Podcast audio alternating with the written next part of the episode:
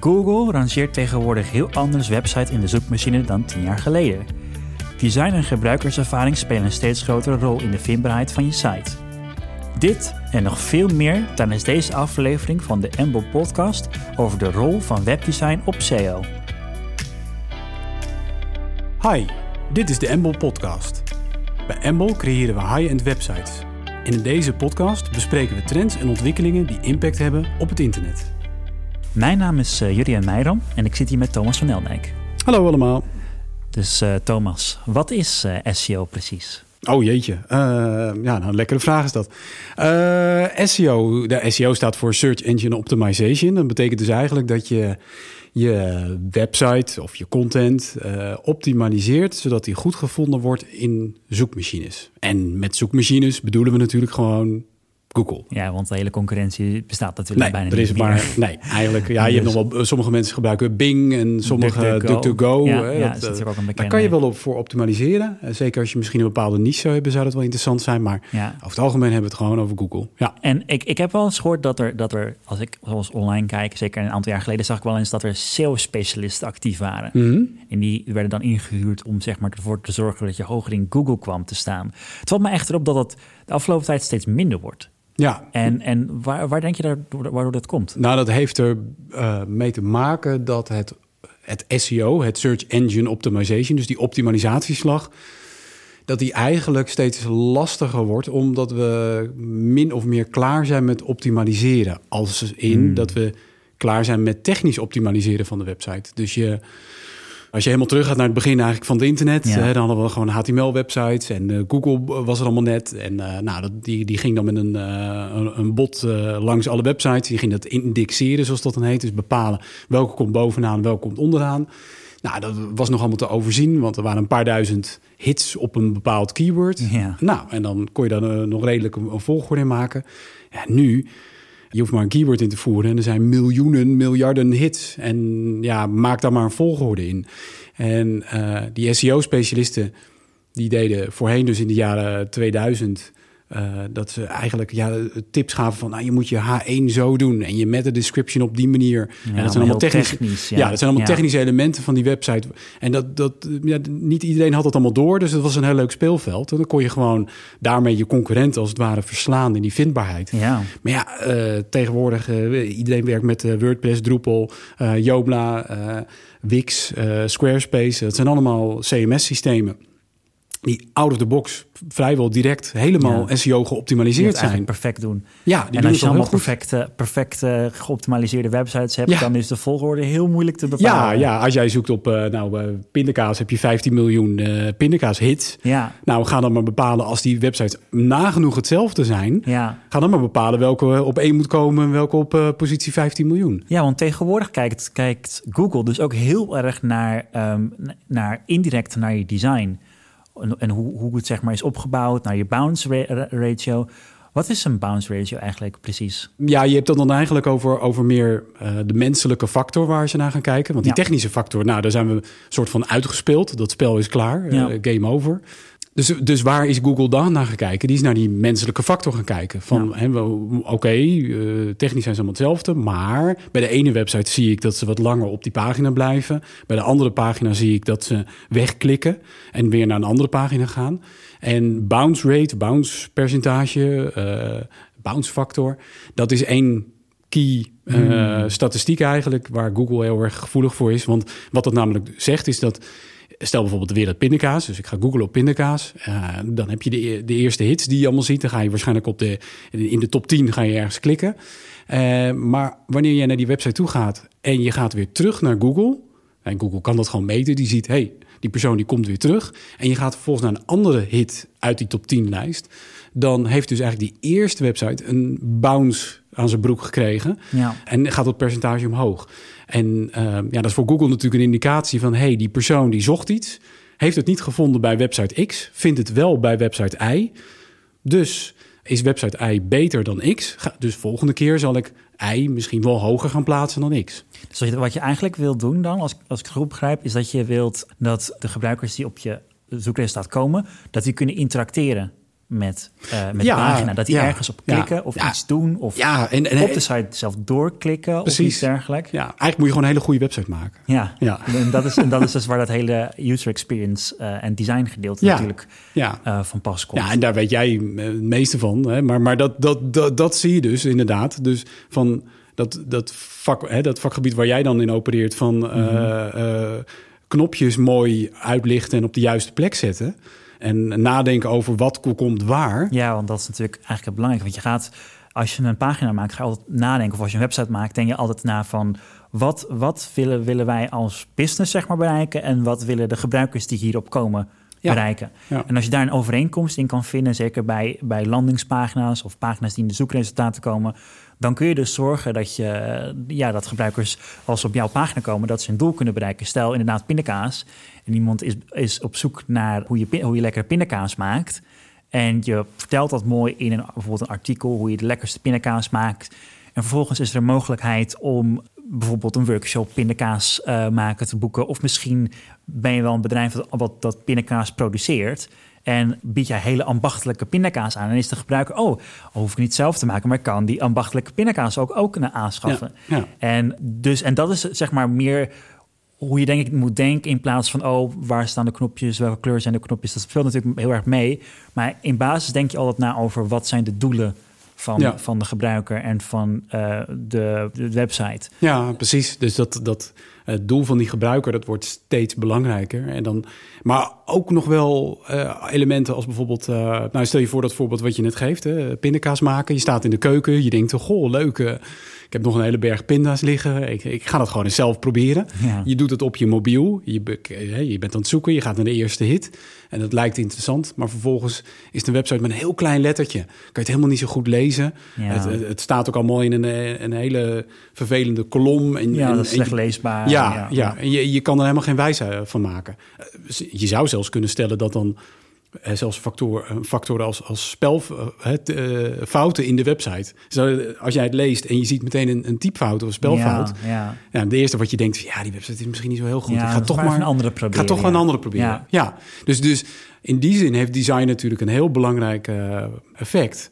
Dat je meteen iemand eh, welkom heet en die moet zich thuis voelen. Die moet denken, ah, dit is de plek Ja. waar ik een perfecte how-to ga lezen over hoe ik pindakaas maak. Ja. Dus dan moet je helemaal dat pindakaasgevoel krijgen. Ja, zeker. Ja. ja. En, en, daar, en daar komt natuurlijk ook een stuk vormgeving bij, inderdaad ook taalgebruik. Ja, ja. Ehm, en want is, het- het is wel zo dat als een website, als er foutjes staan op een website, bijvoorbeeld een element staat niet goed gepositioneerd, of er een knop staat achter tekst, of eh, er in, inderdaad er staat een spelfout in, of er zijn bepaalde elementjes niet helemaal uitgelijnd.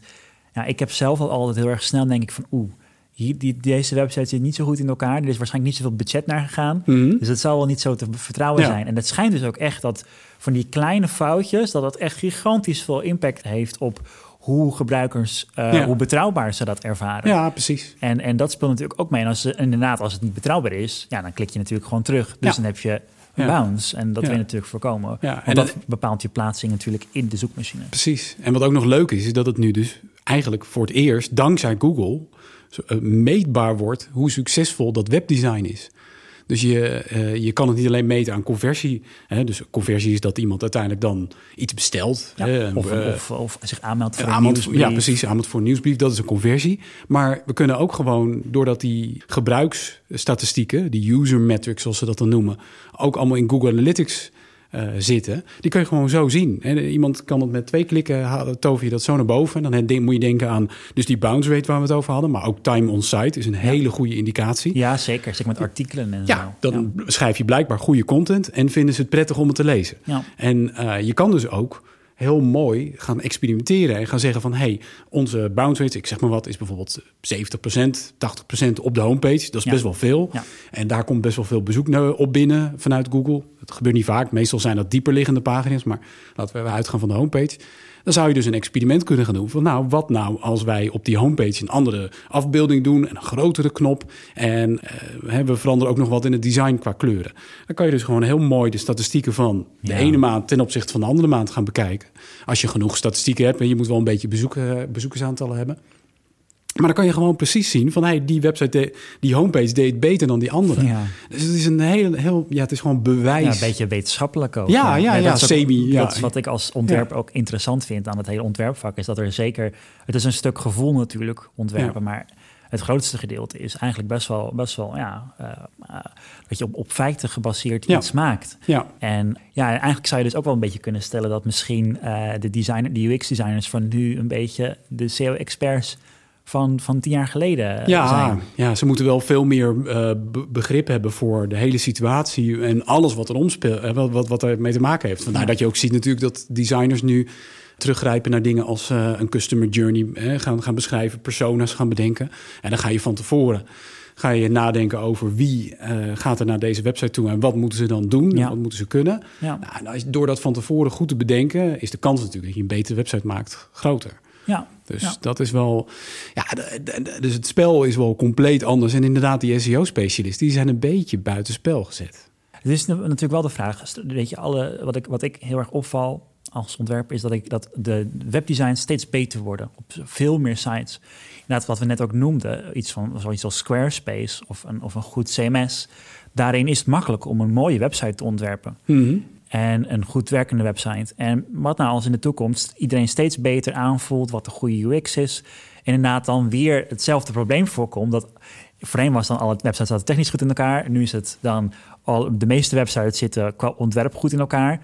Ja, dan moet er misschien wel weer een nieuwe metric komen van hoe dan pagina's in Google worden gerankt. Nou ja, je, je blijft natuurlijk. Content is natuurlijk altijd king. Hè, zoals ze dat dan zeggen binnen, Ja. binnen eh, internetmarketing. Ja. En de content die zal toch bepalend zijn eh, daarin. Dus als iedereen, stel dat iedereen een mooi jasje heeft en alles op de goede plekken heeft. En, en de sfeer is helemaal goed en het design is mooi en toegankelijk en gebruiksvriendelijk. Ja, dan is uiteindelijk gewoon het verhaal, de content die er staat, die, die bepaalt het dan. En die zal altijd wel uniek zijn, want Google kijkt wel heel kritisch naar unieke content. Dus als jij gewoon hetzelfde verhaaltje vertelt als je buurman, Ja. en jij doet het later dan je buurman, ja, dan sta jij op positie 15 miljoen en niet op positie 1. Ja, een ander trucje wat tegenwoordig ook niet meer zo heel erg goed werkt natuurlijk... is dat je heel dezelfde pagina's maakt... maar een aantal woorden uitwisselt. Nee, ja. En dan, want dat wordt gewoon herkend als dubbele content Ja, tegenwoordig. ja, ja, ja. Want voorheen dan werd dat wel eens gedaan. Dan werden er heel- 10.000 pagina's aangemaakt op een website. En dan Ja. werden een paar woorden verwisseld. Een andere keyword. Ja, En, dan, en dat werkt ook wel. Alleen ja, Ja. tegenwoordig is dat, is dat wel minder volgens mij. ja, goed. zeker. zeker. En, en dat heeft, het speelt natuurlijk ook mede gewoon dat het zo makkelijk is geworden om content te maken en om te produceren. Dus je kan als gewoon, hè, gewoon als, individu kan je gewoon een pindakaaswebsite maken. Kom maar weer terug op Ja. pindakaas. Je kan gewoon een pindakaaswebsite maken en eh, met redelijk gemak een, een website als Calvé eh, verslaan. Hè, die dan met, met duizenden mensen eh, al jarenlang pindakaas maakt. Ja. Maar als jij net de goede toon weet aan te slaan, de goede content schrijft, daar wel, hè, even wat tijd in stopt, Ja. ja, dan kan je, kan je veel meer impact hebben. En dat is wel heel bizar eigenlijk. En wat, wat nou als er in de toekomst AI wordt gebruikt om dat soort content te produceren? Dat zou natuurlijk ook heel goed voor kunnen komen. Dus ja, dat is ook natuurlijk een interessante, eh, Ja. interessante beweging die er ja, gaat ja, plaatsvinden. dat is wel weer een hele andere discussie. Ja. Zeker, ja. Maar het heeft natuurlijk wel invloed op je, je SEO eh, Ja. uiteindelijk in de Ja. toekomst. Ja. Maar dat is allemaal, dat is nog eh, een eindje weg. Maar nu even concreet. Stel op mijn website zie ik dat de bezoekersaantallen afnemen... en dat mijn ranking lager wordt op Google. Wat kan ik dan als praktische zaken gelijk aanpassen? Nou, wat je, wat je kan doen is dat je gewoon in Google Analytics gaat kijken naar die statistieken als eerste. Dus de- dat zou ik doen althans. Ik zou Ja. gaan kijken naar bounce rate en de time on site. Dat zijn de twee makkelijkste. Die zie je meteen, die zie je bij elke pagina. Ja, En dat je dan gaat uitzoeken van, goh, welke pagina's doen het slecht. ja misschien ook uitzoeken op welke apparaten doen ze het slecht. Want het kan natuurlijk ook zijn dat het op een Dat bepaald kan. apparaat niet dat goed kan, werkt. ja, ja. Maar over het algemeen zie je toch wel vrij snel al van... oeh, de bounce rate is wel erg hoog over het algemeen. Ja, Of ja. de time on site is over het algemeen vrij laag. En Ja. als je dan even een, een beeld moet... eh, hè, als je qua bounce rate... Als je rond de 50 zit, dan is er niet zo heel veel aan de hand. Zit je boven die 50, dan, dan, dan, is, dan kan je er wat aan gaan verbeteren. Zit je onder de 50, nou, dan is die bounce rate echt gewoon goed. Eh, dan hoef je echt geen zorgen te maken. Dan ligt het ergens anders aan. Ja. En die time on site, ja, dat wisselt heel erg sterk wat voor content je biedt. Ja, En dus is het een lang artikel of is het een kleine Ja. productpagina? ja, of... ja. maar dan moet je eigenlijk ook daar dus inzoomen op pagina's die bijvoorbeeld wat langer zijn en die bijvoorbeeld helemaal niet lang gelezen worden. Ja. Dus stel dat je dat ziet, dan, dan is dat meteen een mooie indicator van hey, mensen lezen mijn artikelen niet goed of de content lezen ze niet goed. En dat kan aan een aantal factoren liggen. Het kan zijn dat de content gewoon niet van toepassing is op wat ze zoeken. Nou, dan heb je sowieso een probleem wat je nooit kan oplossen. Ja, dan moet je gewoon andere content gaan schrijven. Ja, andere of, content maken, ja. ja, en dat lost zich vanzelf wel ook op doordat Google gewoon die bezoekers niet meer naar je toe stuurt. Ja. Wil je ze wel behouden, dan zal je je content dus moeten aan gaan passen. Nieuwe content eh, moeten gaan schrijven. Maar het kan ook heel vaak liggen gewoon dat die content niet lekker leesbaar is. Dus dat die eh, gewoon op een mobiel of op een tablet of op je laptop... dat het gewoon net niet lekker leest. Lettertypes zijn te klein, dat zie je heel vaak. Kolombreedtes zijn te breed. Wat je ook vaak ziet natuurlijk is dat het gewoon één lap tekst is. Het is één lap tekst. Wat niet goed op Ja. onderverdeeld is Ja, in koppen en met bullet points. Ja. Dat is natuurlijk ook wordt Precies, en je zou dus kunnen, kunnen proberen om, om een aantal pagina's te, te pinpointen... die dus qua time on site echt beter zouden moeten zijn. Mhm. En die gewoon eens even wat liefde en wat aandacht te geven. Gewoon mooie plaatjes ertussen. Eh, vraag je webdesigner om het design aan te passen. Dat kan je soms ook zelfs doen alleen maar voor die pagina's. Dan zou je het bijvoorbeeld heel mooi kunnen AB testen. En dan kan je dus zien van, goh, gaat die pagina nou beter doen dan de andere? Mhm. Ja. Dan moet je dat design, die wijzigingen moet je doorvoeren op de rest. Maar dat kan je dus doen aan die time on site. Wat je aan die bounce rate kan doen, en dat is wat meer een uitdaging. Want wat je eigenlijk wil, is dat er een actie komt Ja. van die bezoeker. Die, die Ja. wil die klik. En dat kan je doen door allerlei banners eh, in je website te gooien. Ja, dat zou ik zelf afraden. Ja, maar- ja, sterker nog, Google eh, geeft daar eh, straf voor. Ja, is dat zo? Ja, ja dus websites met, met, grote, met veel banners of grotere banners. Zeker als ook kijkt zelfs naar de verhouding van hoe die banners zijn. En dan straft hij dat af. Ja. Heeft Google natuurlijk misschien ook wel zelf voordeel bij. En dat je Google Ads gaat gebruiken. Ja. Maar ehm, die advertent en de banners is absoluut geen oplossing. Maar je kan wel concreet gaan nadenken bij pagina's van... oké, nu heb ik hem gelezen. Hè, stel dat je dat probleem gefixt hebt. Aan het eind zie je heel vaak bij heel veel websites... bij de meeste pagina's dat het doodloopt. Ja. En dat je denkt, Dat je aan het einde bent. En dan, precies, en nu? Je zou, je zou bijvoorbeeld gerelateerde inhoud kunnen, kunnen tonen. Precies, Of ja. je zou kunnen linken naar een, naar een product of dienst die je aanbiedt. Ja. Ehm, of je, bijvoorbeeld dat je zegt van wil je meer artikelen zoals deze lezen, schrijf je in de Precies. nieuwsbrief. En, en vooral aan het eind werkt dat heel erg goed. Er zijn verschillende onderzoeken gedaan. Eh, op welk moment moet je dat nou aanbieden? Ja. In een artikel linken naar een ander artikel, dat werkt minder goed. Omdat toch iemand dat artikel wil lezen. ja, En- eerst maar lezen en dan pas ja, neem, die pagina. how-to van die pindakaas. Hè. Ja. Ik ben die pindakaas aan het maken. Dan kan je wel midden in die how-to een linkje plaatsen naar hoe je... De pinda's ja, dat is hartstikke leuk. maar ik ben bezig met mijn how-to. Ja, die wil ik Ja. lezen. Dus dat, dat is inderdaad een ding. Aan het eind van je artikel gerelateerde eh, linkjes naar andere content tonen. Laat mensen inschrijven voor je nieuwsbrief. Ja. Dan heb je interactie en misschien nog een, eh, een, een, nieuwsbrieflezer. En zo zijn er tal van dingen die je kan bedenken van... hé, hey, wat wil ik dat hij doet, die bezoeker? Moet je ook weer niet in doorslaan. Want als je 15 verschillende acties gaat eh, plaatsen... dan ja, raakt iemand ook helemaal het spoor Beter om één hele gerichte actie te Ja, plaatsen dan ja. drie verschillende. Ja, ja. en als we het dan nog over design hebben, dan is er ook nog onderzoek gedaan naar die gerelateerde artikelen. Hè? Dus dat je eigenlijk dus eh, Mhm. gerelateerde content plaatst. En als je daar een plaatje bij plaatst, dan Ja, is de, de, de, de click ratio die gaat effect. door het dak. Ja, Maar dat is denk ik ook zo in het, in het in als je een pagina optimaliseert. In het algemeen is beeld, beeldgebruik is belangrijk. ja, ja. Eh, ja. Dus ja, dus dat is ook iets wat je kunt, wat je kunt aanpassen. Precies. ja, Ehm, dus dan kan je heel mooi met je design tweaken van... goh, moet misschien de header eh, wat kleiner of juist wat groter... of misschien eh, een mooiere afbeelding of geen afbeelding. Ja. Oh, maar en die afbeelding later in je artikel tonen. Hè, zodat mensen eerder gaan lezen en dat het artikel wat luchtiger oogt. Ja, en eh, het is natuurlijk eh, als je ja, het is natuurlijk belangrijk om dat dan te gaan testen en om dan ook de tijd te nemen om het te testen. Want je Ja. kunt niet na een paar dagen al verschil zien. Nee, dat, hangt een beetje vanaf wat voor website je hebt natuurlijk. Als je een website hebt met eh 100.000 bezoekers per dag, kan dat al Ja. vrij snel. Maar Ja. het probleem is vaak dat de meeste websites hebben maar een paar honderd bezoekers per dag hè, van, van gemiddelde bedrijven.